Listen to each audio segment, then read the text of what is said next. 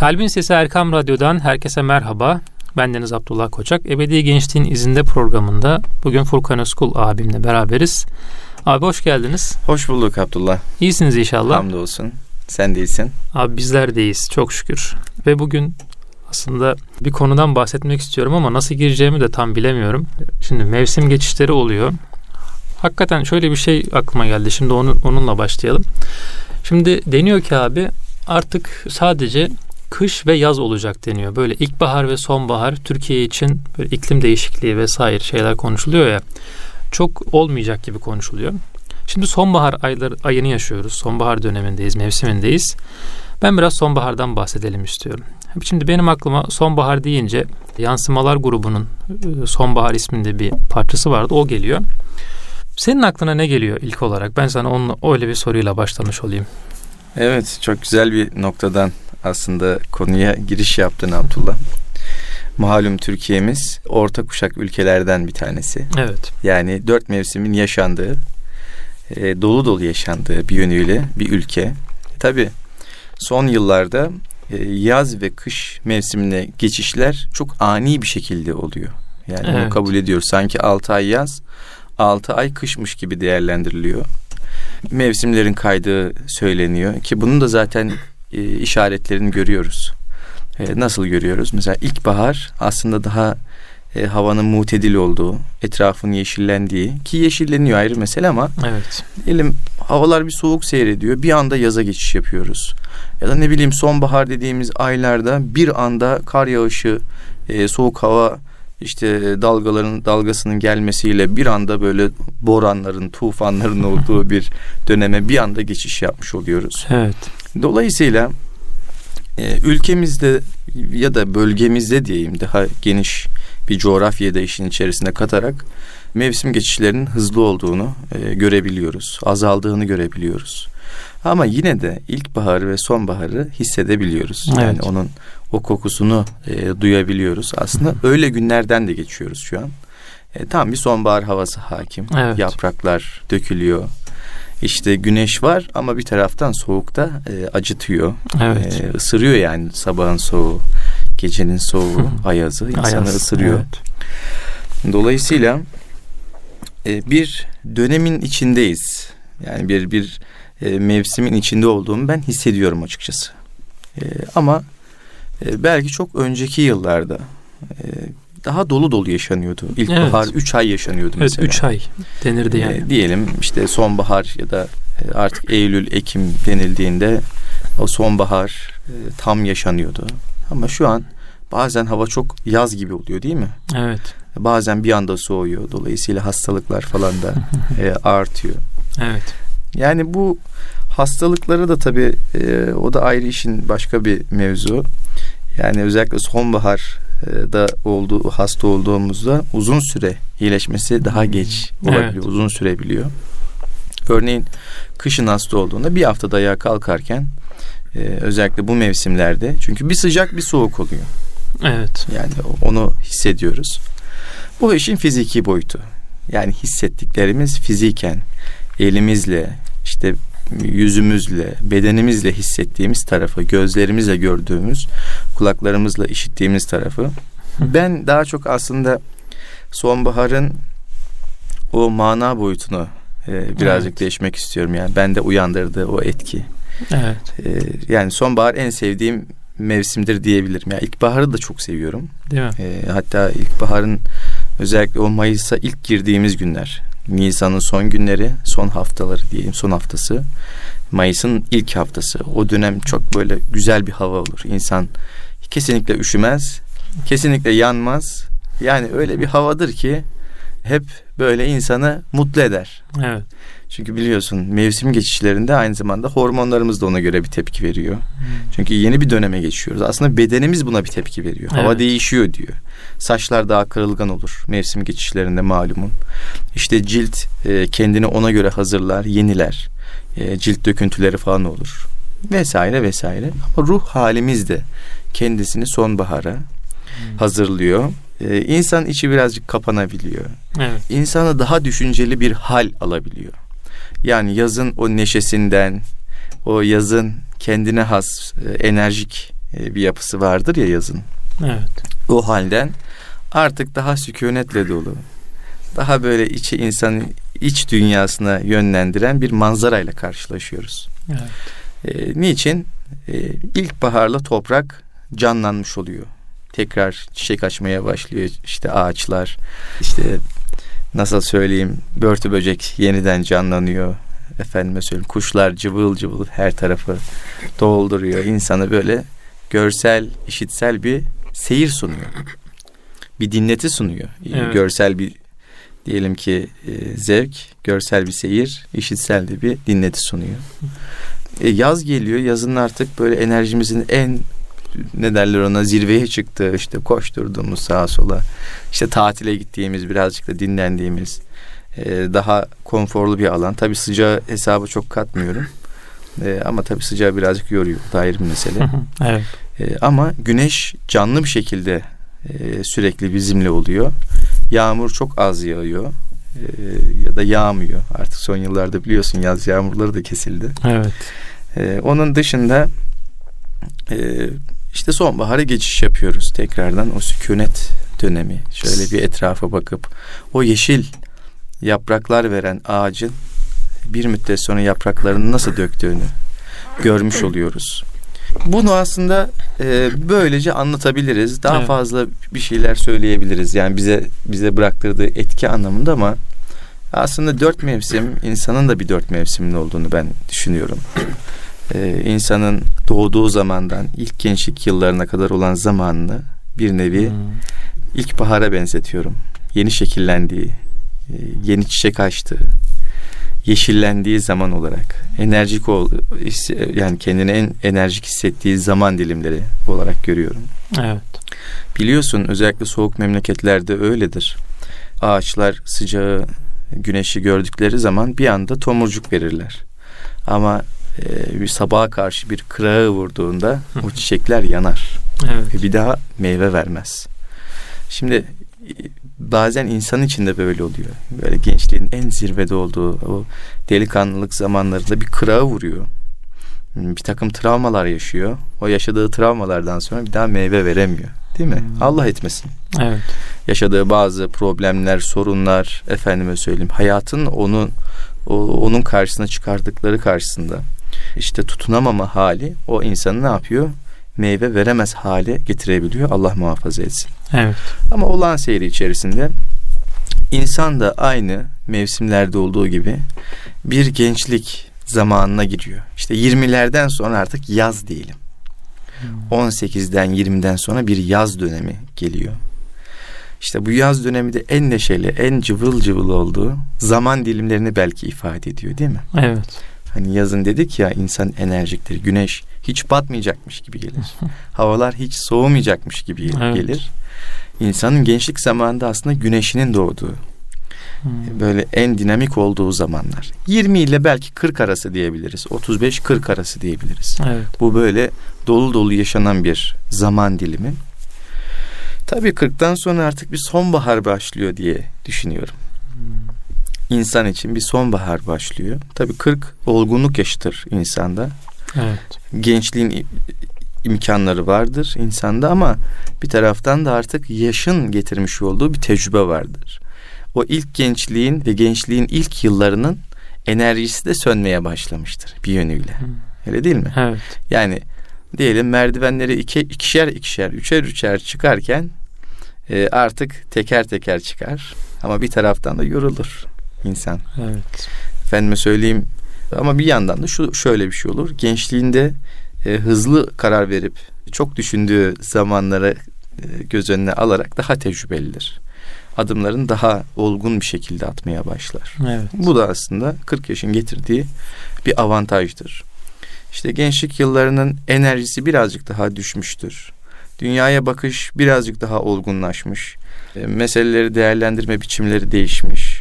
Ondan sonra risk alma e, faktörleri birazcık daha e, durumuna göre diyelim ki Evet. yani risk daha az risk alır hale gelmiş. Daha muhafazakar bir hale bürünmüş olur 40'tan 40 yaşlı itibaren. Tabii burada şunu da söyleyeyim. Yani insan 40 yaşından diyelim 55 60 yaşına kadar artık sonbaharda yaşadıktan sonra 60'tan itibaren e, Abdullah bir kış mevsimi başlıyor. Evet. Artık iyice yapraklarını döküyor. Artık kendini bir yöne doğru gittiğini hissetmeye başlıyor. Evet. Ben yaş almış, yaşlanmış olan büyüklerimizle zaman zaman konuştuğumda yani bu şu geçen ömrü bir tarif et nasıl geçti diye sorduğumda ya daha dün gençtik diyorlar. Evet, evet. Bugün ihtiyarladık. Ne ara geçti onca yıl diyorlar. E, Ve anlatırken onların o şeyin hayretini aslında gözlerinden okuyorum. Ya daha dün gençlik diyorlar. Ne ara ihtiyarladık? Yani ihtiyarladıkları zamanı tam olarak idrak edemiyorlar. Çünkü Evet. hayatları hep çocukları, çoluğu çocuğu için. Efendime söyleyeyim evin e, maişetini temin etmek için. Hep koşturmakla geçmiş. Kendilerine ait özel zamanları çok fazla olmamış. Bir tatil yapmamışlar çoğu kez. Evet. Efendime söyleyeyim. Kendilerine ait özel bir zevk, özel bir hobi edinme fırsatları olmamış. Bunu ciddi söylüyorum. Tabii, Yani tabii. normal bir nasıl söyleyeyim bir Anadolu insanından bahsediyorum. Evet. E, dolayısıyla hep Allah yolunda olmaya çalışmışlar. Ellerinden geldiğince. Evet. Yani kendileriyle dertlendikleri kadar etrafındaki insanlarla da dertlenmişler. Onların da dertlerine koşmuşlar. Maddi manevi. Yani e, borç vermişler, alamamışlar. Efendim yatırım yapmışlar, batırmışlar. Mesela Evet. hayatlarında birçok tecrübe sığdırmışlar. Yıllar böyle böyle derken gelip geçmiş. Şimdi bakıyorum konuştuğum bazı insanlar ihtiyarlıklarında e, çok daha sakinler ve özgüvenleri yerinde Abdullah. Evet. Niçin? Burada da şunu görüyorum. O insan hayatında atmış olduğu adımları bilinçli olarak atmış. Anlatabiliyor muyum? Evet. Daha bilinçli atmış. Onun için de zaman hızlı geçmiş. Ayrı mesele ama daha bilinçli atmış. İhtiyarladığında dahi özgüvenini muhafaza eder bir pozisyonda duruyor. Hmm. Bazı insanlara bakıyorum içlerinde çok şey kalmış. Böyle çok e, hayıflandıkları durumlar olmuş. Yani hayatı istedikleri gibi belki yaşayamamışlar. Ya da nasıl söyleyeyim şimdi olsaydı şöyle davranırdım dediklerinde duyar gibi oluyoruz. Evet. Dolayısıyla zaman yönetimi, içinde bulunduğumuz anın kıymeti e, aslında bunların hepsi bir bütün olarak insanın önünde duruyor. Her geçen saniye ömür sermayesinden gidiyor. Evet. Yani ya oturalım bir zaman geçirelim diyoruz ya, bir zaman öldürelim diyoruz ya. Tırnak içerisinde söylüyorum bunu. Yani ölen zaman olmuyor aslında. Bizim ömür sermayemiz ölüyor. Evet. Geçen zaman olmuyor aslında. Yani ömür sermayemiz tükeniyor. Hayata nasıl bakarsak ona göre değerleniyor, kıymetleniyor ya. İşte buradan baktığımızda elimizde ne büyük bir sermayenin olduğunu görmüş oluyoruz. Ne kıymetli bir sermayenin olduğunu görmüş oluyoruz. Şu bağlamda insan parasını kaybetse tekrar para kazanabilir. Makamını kaybetse yarın öbür gün daha önemli makamlara, daha güzel makamlara gelebilir. Ama insan kaybetmiş olduğu vakti ne parasıyla, ne makamıyla, ne de farklı bir şeyle alamıyor. Evet. Dolayısıyla tekrar şöyle sonbahara bağlayacak olursak işte şu an e, içinde bulunduğumuz mevsim bize bu hakikati sadece söylese, bu hakikati bize ifade etse, şöyle ağaçlara baktığımızda elbette ağaçlarda o güzel manzarada diyelim yapraklar yavaş yavaş dökülüyor, renk tonları oluşuyor. Özellikle belli bölgelerimize değil mi? Evet. Ee, çok güzel ağaçlar. Kimisi yeşil, kimisi artık daha da sararmış. Ee, yerlere dökülmüş yapraklar falan. İnsanlar fotoğraf falan çekiyorlar. Evet görsel anlamda çok güzel ama bize sonbahar işte az önce bahsetmiş olduğum şeyi de ifade ediyor. Zaman geçiyor. Evet. Ömür tükeniyor. İnsanın da bir sonbahar olacak. İnsanın da bir kışı olacak. Bize bunu da haber veriyor. Evet. Dolayısıyla hayatı ibret nazarıyla bakabildiğimizde her şey bize tek bir hakikati anlatıyor Abdullah. Her şey bir gün yok olacak. Evet. Bize bu hakikati anlatıyor. Şimdi bilmiyorum yakın zamanda duydun mu bu haberi ama Rusya'da bir şirket e, talep edenlere işte bir günlük zannediyorum bir mezar deneyimi sunuyor. Hmm, yok Yani duymadım. birkaç saatlik bir mezar deneyimi sunuyor ve bunun karşılığında binlerce dolar para alıyor. Tabii. Ha evet. Yani seni gömüyorlar. Tamam. 2-3 saat mezarda kalıyorsun. O anı deneyimliyorsun. Bildiğin tabutun içine koyuyorlar, cam tabutun içine. Seni yerin altına gömüyorlar ve o üstünü kapatıyorlar. Hava alacağı mekanizmayı tabii kuruyorlar yoksa insan ölür. Evet. Ee, o e, hava alıyorsun ama atmosferi sen soluyorsun, oradan soluyorsun. Evet. Dolayısıyla orada sana şunu hissettiriyorlar. Ölüm deneyimini yaşayamazsın ama işte öldüğün zaman geleceğin yer burası diyorlar. Evet. Sonra bir takım uzmanlar da şunu ifade ediyor. Diyorlar ki işte bu deneyimi yaşayan insanların hayatta daha iyi başa çıktığı gözlemlendi diyorlar. Hayattaki Hmm. işte stres yönetimlerini daha iyi yaptıkları falan gözlemlendi diyorlar. Yani aslında bize bunu dinimiz e, birçok yönüyle hissettiriyor. Evet. Bizim mezarlıklarımız bunu birçok yönüyle Tabii. hissettirmiyor, gösteriyor. Bakın şehrin tam ortasında bir mezarlık var ve girişinde de şu yazıyor. Küllü nefsin zaikatül mevt. Evet. Her nefis ölümü tadacaktır. Evet. Evet. Peygamber Efendimizin bir hadis-i şerifi aklıma geldi abi. Böyle çünkü hem şey dedik şimdi zaman geçiyor dedik. Yani ve mevsimler de bize bunu hissettiriyor dedik. Sonrasında verdiğin o mezara koyma deneyimini yaşatan şirket örneği de aslında orada sıhhatin bir yani sağlığın böyle ölümle yaşamın bir e, manasını düşündürttü bana. Peygamber Efendimizin hadisi de şu. insanlar e, şüphesiz iki nimet için aldanış içindedir. Sıhhat ve boş vakit Evet. buyuruyor aleyhissalatü vesselam. Yani hakikaten bunları yaşamak yani bunlara aldanmamak elde değil peygamberimizin tabiriyle diyelim. Yani Allah bunları idrak edebilen kullarından eylesin bizleri. Amin. Çok önemli bir noktaya temas ettin Abdullah. Evet. Ee, genelde dünyada işte kurulu sistem, işte endüstriler, müzik endüstrisi, reklamcılık endüstrisi, film, dizi film endüstrileri. Yani basın, yayınla alakalı olan endüstrilerde bakıyoruz. Hep gençlik üzerine bir vurgu var. Evet. Yani öyle arzular bize dayatılıyor ki sanki hiç ölmeyecekmişiz gibi. Hmm, tabii. Dizilere bakıyoruz, filmlere bakıyoruz. Ee, sürekli işte genç ve güzel insanlar, genç ve yakışıklı insanlar, genç ve zengin insanlar, Evet. her türlü imkana sahip olan insanlar. Sanki bu imkan hiç ellerinden gitmeyecekmiş gibi olan insanlar. Evet. Dolayısıyla sıradan halk kitlesi bizler de o filmlerle, o dizilerle çok hemhal olduğumuzda bir genç olarak söylüyorum bunu, örnek veriyorum. Bunlarla çok fazla hemhal olduğumuzda, bunları izlediğimizde gayri ihtiyari bende bir arzu oluşumuna neden oluyor bu. Evet. Yani genç olmalıyım, hep genç olmalıyım, hep güzel olmalıyım. evet. İşte hep böyle nasıl söyleyeyim yaşlanmamalıyım ve zengin olmalıyım. Her türlü imkana sahip olmalıyım. İstediğimi elde edebilmeliyim. Şimdi Abdullah e, ben şöyle düşünüyorum yani içinde bulunduğumuz dünyada bize böyle bir şey vaat edilmemiş. Bu cennette vaat edilmiş Evet, olan bir şey. evet. Cennette biz hep genç olacağız. Cennette her istediğimizi elde edeceğiz. Cennette çok lüks yerlerde oturacağız. İşte cennette ölümsüz olacağız değil mi? Evet. Ama bu dünya öyle bir dünya değil. Bu dünyada acı da olacak, bu dünyada fakirlik de olacak.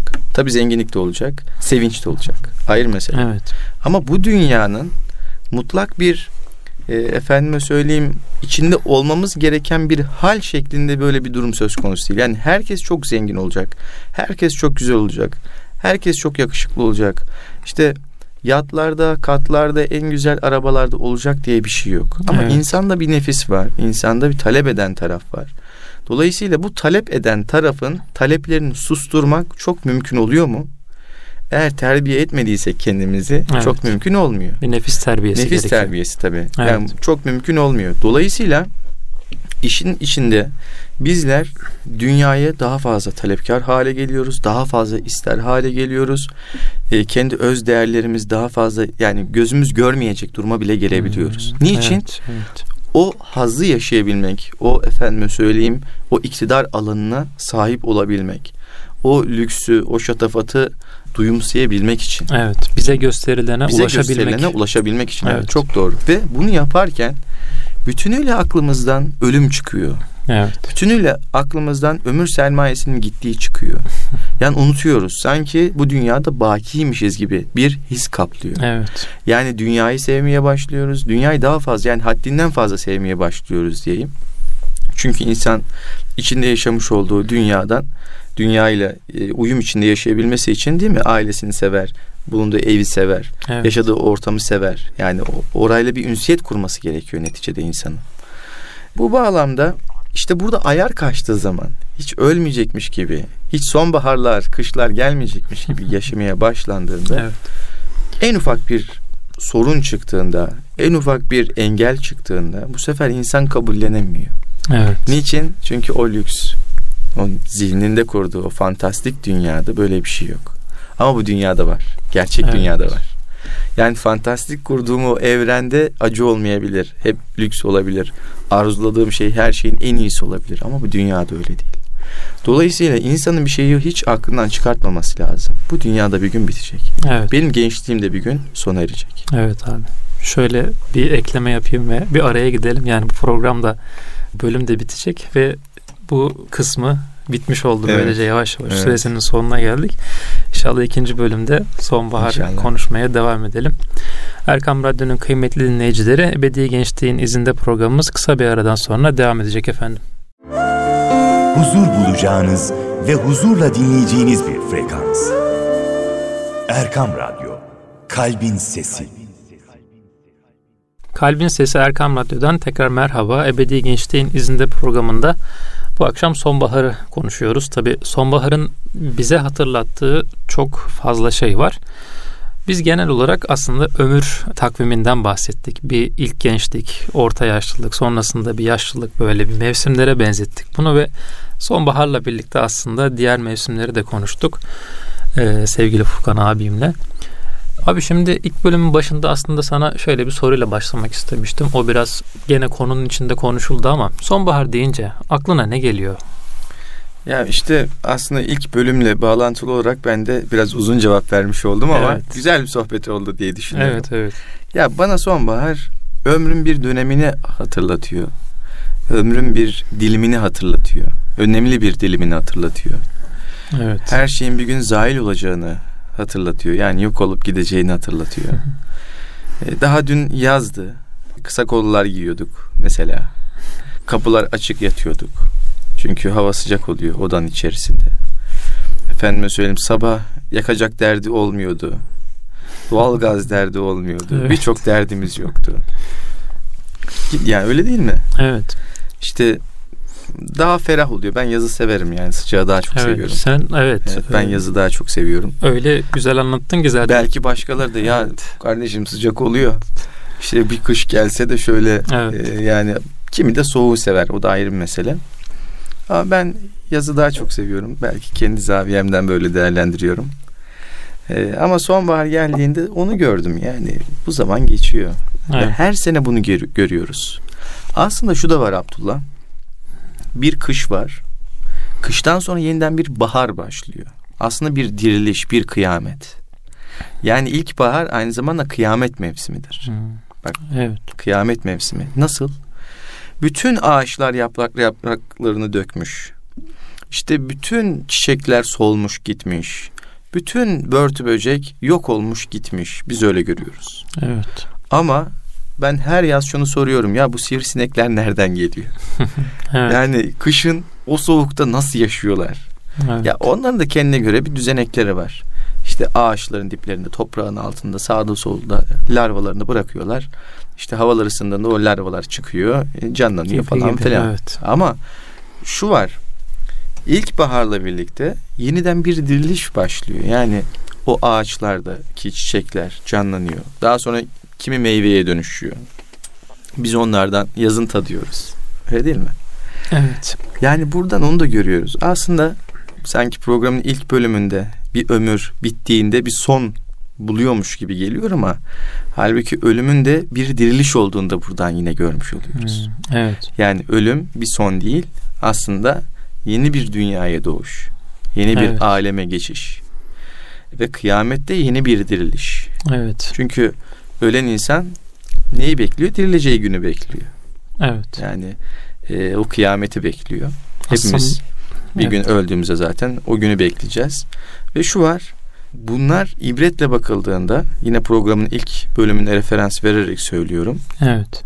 Buna ibretle baktığımızda aslında insan için tefekkür edilebilecek o kadar çok nüans var ki sadece mevsimler üzerinden, sadece geçirdiğimiz zaman dilimi üzerinden bile düşündüğümüzde o kadar büyük e, yani Allah'ın bize afaki ayetleri var ki işte Evet. yani dış dışsal dünyaya ilişkin ayetleri var ki gerçekten insan birazcık düşündüğünde ne kapılar açılıyor mana aleminde. Evet. Dolayısıyla hayatını manayla zenginleştirmek isteyen e, genç arkadaşlarımız, işte orta yaşlı abilerimiz, ablalarımız, işte e, teyzelerimiz, amcalarımız, işte dünyaya bu perspektiften baktıklarında aslında dünyamız de küçük değilmiş diyebilirler. Evet. Yani sadece maddeyle sınırlanmış bir e, dünyada yaşamıyoruz.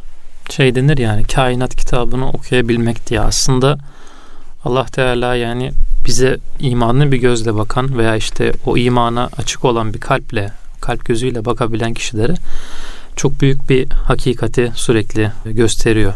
İşte o biraz bakış açısı dediğin gibi yani. Ee, Böyle bakabilmeye biraz niyetli olmak gerekiyor. Ya herkes aynı yere bakar ama herkes aynı şeyi görmez. Evet. Çünkü bakış açıları farklıdır. Efendime söyleyeyim. Gördüklerimiz farklıdır. Değerlendirme biçimlerimiz farklıdır. Ama halbuki hepimiz aynı noktaya bakıyoruzdur. Aynı dağa bakıyoruzdur. Evet. Aynı göle bakıyoruzdur. Ama benim bakış açıma göre işte güneş göle sağdan yansıyordur. Senin bakış açına göre diyelim farklı bir noktadan yansıyordur. Evet. Hepimizinki bir hakikattir ama şunu ifade etmek lazım. Hakikat bütüncül bir şekilde hissedildiğinde, görüldüğünde o zaman değerini ifade eder. Evet. Yani hakikatin bir parçası hakikatin kendisi değildir. Tabii ki. Buradan şu sonuca varacağım. Dünyada maddi olan şeyi kabul etmek hakikatin bir parçasını kabul etmektir. Hakikatin kendisi değildir. Eğer biz hakikat diye bir şeyden bahsedecek olursak bunun maddi ve manevi boyutunu birlikte düşünmemiz gerekir. Yani şöyle diyelim. 10 lira maddi bir hakikattir değil mi? Evet. Ama 10 liranın nasıl kazanıldığı meselesi o işin de manevi hakikattir. Yani o 10 lira benim için kıymetli olabilmesi için o 10 liranın helal yoldan kazanılması gerekir. Evet. Ve ben onu o zaman ancak kazandım, helalinden kazandım deyip cebime koyduğumda rahat edebilirim. İşte maddeyle mananın birlikteliği burada sağlanmış olur. Evet. 10 lira nasıl gelirse gelsin dediğim anda helaline haramına dikkat etmediğim zaman o 10 liranın hakikati benim için eksik bir hakikattir. Amacına uygun bir hakikat değildir. Dolayısıyla bana zarar verecek, benim mana alemime zarar verecek bir hakikattir. Evet. Eksiktir. Halbuki ikisi de 10 lira. Aynı 10 lira. Hiçbir fark yok. Aynı matbaadan çıktı hepsi. Merkez Bankası'ndan çıktı. Evet. Ama benim baktığım yer, o paraya yüklediğim anlam, Allah'ın benden istemiş olduğu o bakış, eğer onda yoksa o eksiktir. Dolayısıyla beni de eksik kılacaktır. Evet. Yani benim bakışımdaki eksiklik aslında sadece bakışıma tesir etmiyor. Bütün bir hayatıma tesir ediyor. Bütün bedenime tesir ediyor, ruhuma tesir ediyor, yaşantıma tesir ediyor. Tüm dünyama tesir ediyor. Dolayısıyla eksik bakmaya yine devam edeceğim ben eğer Evet. bu şekilde değerlendirirsem. Ve hayatım koskocaman eksiklerle dolu olacak. Evet. Ve hayatımı tamamladığında o eksiklerin sadece hayatında eyvahlara dönüşmeyecek. Aynı zamanda bu işin sonrası içinde, ahiret içinde büyük eyvahlara dönüşecek. Evet. Allah muhafaza. Allah. Bu açıdan o bakışı aslında o genç yaşlardan itibaren kazanmak lazım. Yani o gençlik dinamizmi varken o bakışı yakalayabilmek Evet. lazım. Kainatı ibret Kainatı. nazarıyla Tabii bu, bu nazarla görebilmek. Yani Evet. burada bir şey var. İşin arka planında e, nasıl bir şey var? Yani bu işin Evet. hikmeti nedir diye sormak, tefekkür etmek, düşünmek. 5 dakika, 10 dakika her gün birazcık düşünmek. Evet. İnsana ne güzel kapılar açar. Ne güzel mesafeler aldırabilir. Bu arada şöyle bir şey de var. Yani insan hiç mi dünyayla temas etmiş ya da işte hep manayı mı düşüneceğiz? Yok işimize de bakacağız. Evet. Ama niyetimiz ne ona göre bakacağız. Yani niyetimiz Allah için olduktan sonra yaptığımız her şey Allah için yaptığımız bir işe dönüşüyor. Evet. Velev ki dünya işi olsun. Kesinlikle.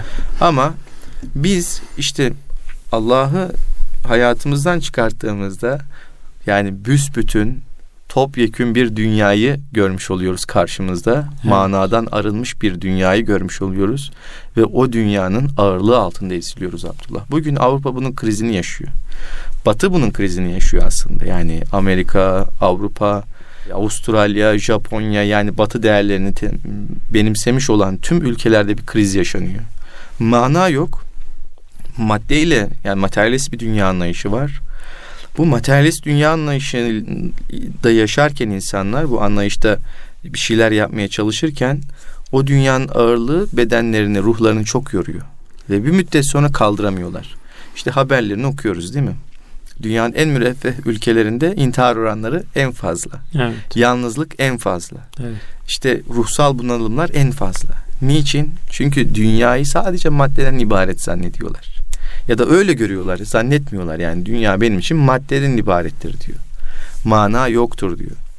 E bir bakıyoruz mana arayışında olan insanlar kendilerini çok aşırı uçlara savuruyorlar.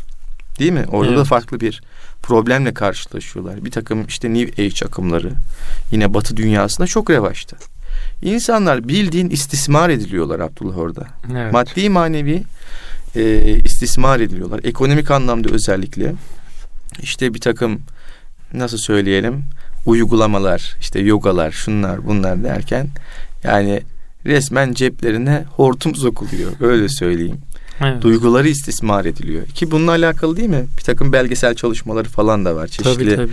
platformlarda. Evet. Yani görüyorsun orada insanlar nasıl kendilerini böyle bir şey kaptırıyorlar. Sırf ruhsal gelişim için bunu yapıyorlar. Niçin?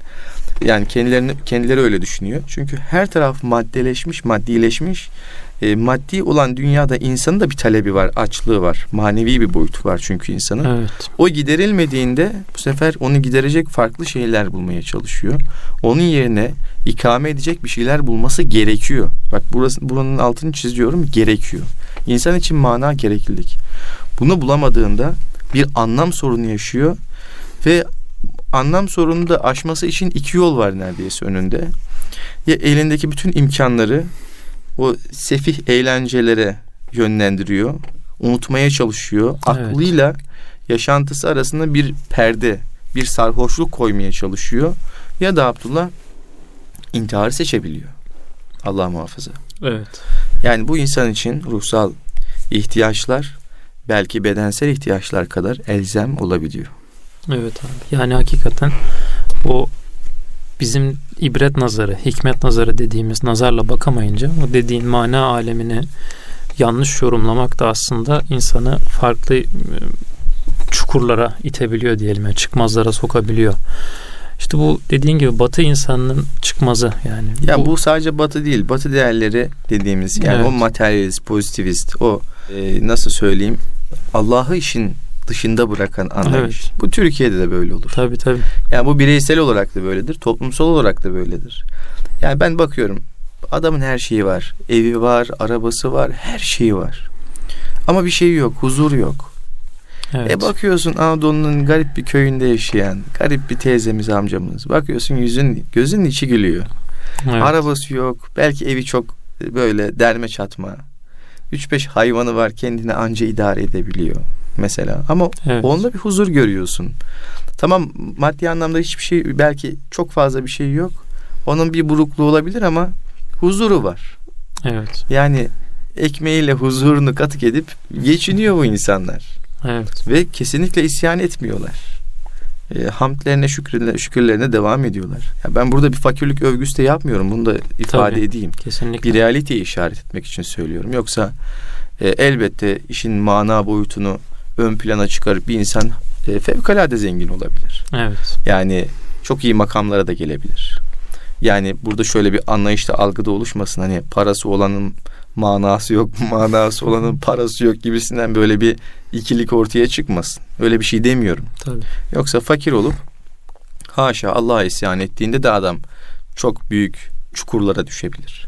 Evet. Ya da bir insan maddi manevi meseleye tam anlamıyla e, yaklaşıp hamdini şükrünü eda edip e, çok zengin de olabilir. Evet. Yani o bu, bunlar da zaten işin hakikatinin bir boyutu.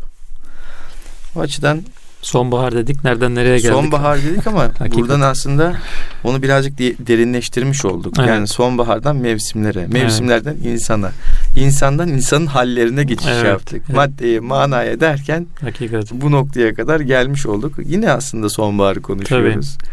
O dökülen yaprakları, o efendime söyleyeyim havanın değişkenliklerini evet. E, bir yönüyle bunları konuşmuş oluyoruz. Çünkü Tabii. insan hayatı bir kararda değil ki Abdullah. Tabii. Yani sonbaharda hava kararsız oluyor değil mi? bir gün soğuk oluyor, bir gün sıcak oluyor dedik programımızın içerisinde. Evet. Yani insan hayatı da böyle. E bakıyorsun bir gün hakikaten iyi oluyoruz. Ertesi gün kendimizi çok iyi hissetmiyoruz. Evet. Hayatımızın bir döneminde madden zengin olabiliyoruz. Bir döneminde fakirleşebiliyoruz. Evet. Yani insan halleri değişken. İnsanın evet. kalbi de değişken. Evet. Zaten kalbin anlamında biliyorsun yani. Kalbeden sürekli deveran eden anlamına evet. geliyor. Neticede hem bedenimiz deveran ediyor hem duygularımız, ruhsal hallerimiz deveran ediyor.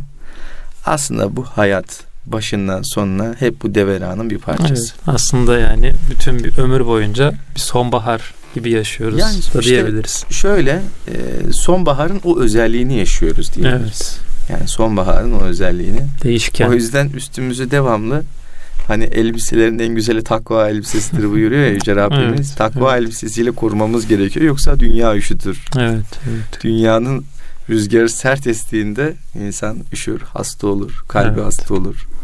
İşte kalplerde marazın olması falan diyor. E, Kur'an-ı Kerim'de geçiyor bunlar. Evet.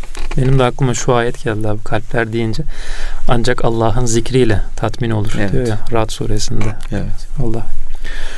Yani hakikaten e, sığınacağımız e, liman, tutacağımız dal, yani ip, sıbgatullah deniyor yani Allah'ın boyası.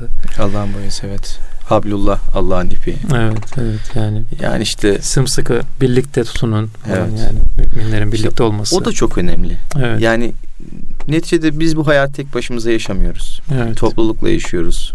Bir cemiyet içerisinde yaşıyoruz.